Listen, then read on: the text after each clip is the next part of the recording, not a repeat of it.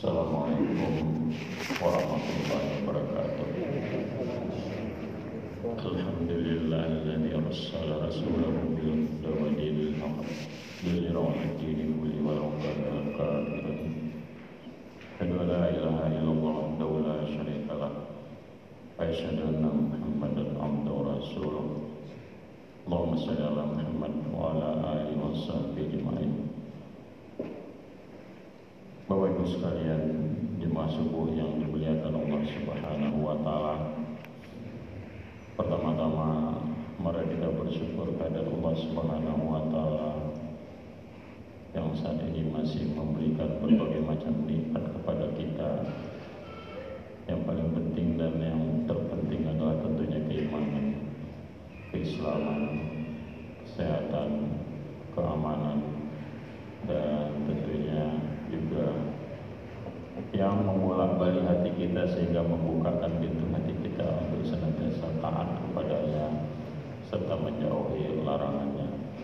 Semoga kiranya ini merupakan suatu aset kita untuk menggapai husnul khotimah. Amin. Yang kedua yaitu tentunya kita berdoa kepada sahib-sahib kita atau jemaah kita yang masih ditimpa musibah terutama sakit dan lain sebagainya dan juga kepada yang mendahulu kita Ustaz kita Islam Rasid semoga kiranya ya beliau itu diampuni oleh Allah Subhanahu wa taala dan kemudian kita juga tentunya berharap bahwa nantinya di surga akan berkumpul sesuai dengan apa yang kita alami pada saat ini. Amin ya rabbal alamin. Nah dengan itu jemaah sekalian pada kesempatan ini saya ingin untuk mengingatkan kita kembali yaitu bahwa suatu keyakinan di dalam Islam bahwa ada dua hal yang mungkin perlu kita cermati. Yang pertama yaitu bahwa kesenangan yang hakiki itu sebenarnya ada di surga, surga Jannatul Ain. Sesuai nanti di mana porsi kita kalau kita masuk surga dengan berbagai macam tingkatannya. Sebaliknya kesengsaraan ya kesengsaraan yang hakiki juga adalah di neraka. Itulah ending dari perjalanan hidup kita nantinya yang hakiki. Ya, artinya apakah kita akan menggapai surga? Apakah kita akan mendapatkan neraka? Nauzubillah min. Yang kedua yang ingin saya sampaikan di sini bahwa iman itu di dalam agama mendahului akal ya ada kalanya bukan ada kalanya sering sekali bahwa iman itu sudah jauh lebih dahulu sebagaimana diungkap di dalam Al-Qur'an dan hadis maka akal itu datang belakangan ya baru mempercayainya jadi ilmu mendahului akal ya ilmu mendahulukan akal sebelum iman. Jadi ilmu itu mendahulukan akal sebelum iman. Sebenarnya iman itu lebih dahulu dibandingkan akal. Nanti kita lihat berapa banyak itu terbukti bahwa akhirnya ya akal itu akan uh, apa terbukti ya dengan apa yang disampaikan di dalam syariat Islam. Nah, kedua hal inilah yang merupakan landasan dalam beragama. Jemaah sekalian, memperhatikan ibadah utama ya, tentunya kita berharap bahwa akan ada syafaat ya sebagai bagian daripada kesenangan di akhirat. Syafaat ini merupakan satu ya perantara untuk membantu kita nanti tentunya di akhirat ya. Bagaimana yang tercantum di dalam surat Al-Baqarah ayat 48 wattaqu yawma la tajzi nafsun an nafsin syai'a wala yuqbalu minha syafa'atun wala yuqbalu minha adlun wala hum yunsarun. Dan takutlah kamu pada hari ketika tidak seorang pun dapat membela orang lain sedikit pun. Sedang syafaat dan tebusan apa pun darinya tidak diterima dan mereka tidak akan ditolong. Oleh karena itu persiapan kita adalah sebelumnya tentunya ya. Nah selain Rasulullah ada beberapa perkara yang dapat memberikan syafaat kepada kita. Pertama tentunya tilawatil Al-Quran Dan ini tentu sudah sering kita dengar Ya pada tahap pertama ujian saja di dalam kubur Quran itu akan menemani kita ya datanglah sosok malaikat dengan sedemikian rupa indahnya ya kemudian ditanyakan ya maka dia itu adalah merupakan ya, imbalan daripada kita membiasakan membaca Al-Quran.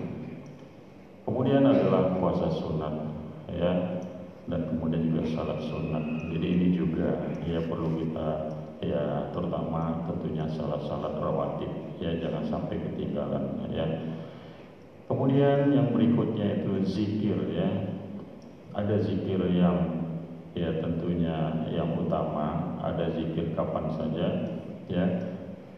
Dikatakan bahwa ada dalam hadis kalimatani kalimatani bilisani sapilatani bibizannya bahwa dua kalimat yang sangat ringan di lidah karena tapi berat di dalam timbangan yaitu subhanaka wa bihamdihi subhanaka azim ya. Ini ringan sekali ya dan banyak lagi zikir-zikir lain. Jadi bagi kita kalau tidak dimulai kapan lagi untuk melaksanakan ini sementara waktu hidup kita ini kalau dibandingkan dengan waktu akhirat hanya satu setengah jam saja. Jadi satu hari ya akhirat itu seribu tahun di dunia ya. Jadi bisa kita bayangkan kalau umur kita itu ya sekian maka kira-kira satu setengah jam saja untuk waktu akhirat. Kemudian yang kadang-kadang kita sering melalaikan atau lupa yaitu mendengarkan azan dan berdoa setelahnya. Ini juga ya akan dapat untuk mendapatkan syafaat bagi kita. Kadang-kadang kita lalai ya. Orang azan kita asik ngomong, asik berbicara, artinya menghilangkan peluang emas lagi. Apalagi kalau misalnya setelah azan kita sempat berdoa, insya Allah tentunya kita nanti akan mendapat syafaat dari Rasulullah Sallallahu Alaihi Wasallam. Dan keenam adalah sedekah, ya. Orang yang bersedekah akan mendapat syafaat atau naungan di hari akhir. Rasul Shallallahu Alaihi Wasallam menceritakan, ya seperti yang sudah sering kita ketahui, ya ada tujuh jenis manusia yang mendapat naungan di suatu hari yang ketika itu tidak ada naungan lain selain dari Allah Subhanahu wa taala termasuk yang bersedekah apalagi kalau bersedekah itu adalah diam-diamnya tidak oh, apa namanya tidak vulgar yang memberikan uh, informasi ke mana-mana sehingga uh, di sosmed dan lain sebagainya khawatir berpotensi untuk terjadinya ria. Nah kemudian yang ketujuh yang tidak kalah pentingnya seperti yang disebutkan tadi itu mempunyai teman yang saleh. Jemaah sekalian, forum seperti ini akan membina kita untuk mendapatkan teman yang saleh. Ya, ya, saya nanti berharap tentunya di antara jemaah entah itu Pak Seno, entah Pak Sabar atau sebaliknya akan saling memberikan ya syafaat kepada kita sesuai dengan amalannya. Ya, nah inilah yang seperti disampaikan Pak Seno kemarin apa yang sering disampaikan oleh almarhum itu adalah masalah adab terutama adab bertetangga yang disampaikan oleh almarhum ya ini sering. Ya bagaimana kita membina jemaah kita? Barangkali perlu kita untuk introspeksi kembali untuk menata kehidupan kita untuk melakukan hal-hal yang bermanfaat yang seperti ya di masjid, ya di tetangga dan sebagainya yang akan membawakan kita kepada suatu manfaat terutamanya syafaat. Ini contoh ya yang terjadi ya barangkali bisa inspiratif juga untuk kita kemarin. Ini Pak Nano ada ya dengan Pak Selamat kemarin berbincang-bincang di situ. Saya kebetulan duduk di situ. Sambil saya ngulik juga apa yang bicarakan beliau. Ternyata intinya adalah bahwa beliau ini sudah uh, ya berkiprah di dalam tugasnya masing-masing sekian tahun ya sudah merasakan ya katakanlah jabatan dan segala macam kehidupan dunia.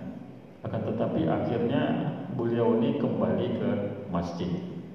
Tentunya dengan mengharapkan adalah seperti tadi endingnya itu adalah untuk akhirat ya begitu Pak. Salah kemarin ya jadi saling membukakan dulu apa anunya gitu romantikanya di dalam tugas dan lain sebagainya. Dan kemudian juga saling memberikan informasi ya tentang penyakit obatnya nanti bisa didistribusikan kalau mau. Begitu nggak salah pak ya. Jadi hal seperti ini tentunya patut kita contoh ya. Kalau saya katakan dalam bahasa guyonnya ini stok lama tapi edisi baru ya sudah lama di sini tapi baru ini mengungkapkan saling mengungkapkan itu ya saya, saya lihat ya maka saya pikir ini suatu hal yang baik dicontoh. Oleh karena itu jemaah sekalian, ya dalam konteks untuk mendapatkan syafaat tadi dengan berbagai macam cara Allah memberikan kemudahan ya. Memang syafaat itu adalah terutama diberikan oleh Rasul dan kemudian oleh beberapa hal yang lain tadi atas izin Allah ya. Barangkali inilah yang ingin saya sampaikan dan saya mengingatkan kembali jangan bosan-bosannya untuk datang ke masjid karena lima waktu itu senantiasa eh, di, di apa namanya dicurahkan segala keberkahan kepada kita ya kalau kita anukan mungkin dalam sayembara ya ini merupakan apa nama itu ya ladang amal yang tidak putus-putusnya hanya kadang-kadang ya mungkin kita dengan urusan dengan ada kegiatan lain mungkin tidak sempat. Akan tapi alangkah baiknya kalau ini kita lazimkan apalagi ya bisa mendapatkan uh, tausiah seperti ini ya. Tapi tentu tausiah yang yang yang benar loh ya. Jangan orang bertausiah sebagian ya hadir di sini tapi tidak serius mendengarkannya ya sehingga ya mungkin ada kegiatan di luar sana apa tapi dia hadir di sini. Saya kira tentu dengan waktu beberapa menit ini bisa dimanfaatkan untuk uh, mendapatkan uh, manfaatnya ya. Karena dikatakan bahwa 70 malaikat menaungi kita selama berlangsungnya tausiah ini. Apalagi kalau sempat untuk syuruk. Baiklah saya kira itu saja yang bisa saya sampaikan. Lebih dan kurang saya mohon maaf. Bila itu wa assalamualaikum warahmatullahi wabarakatuh wabarakatuh.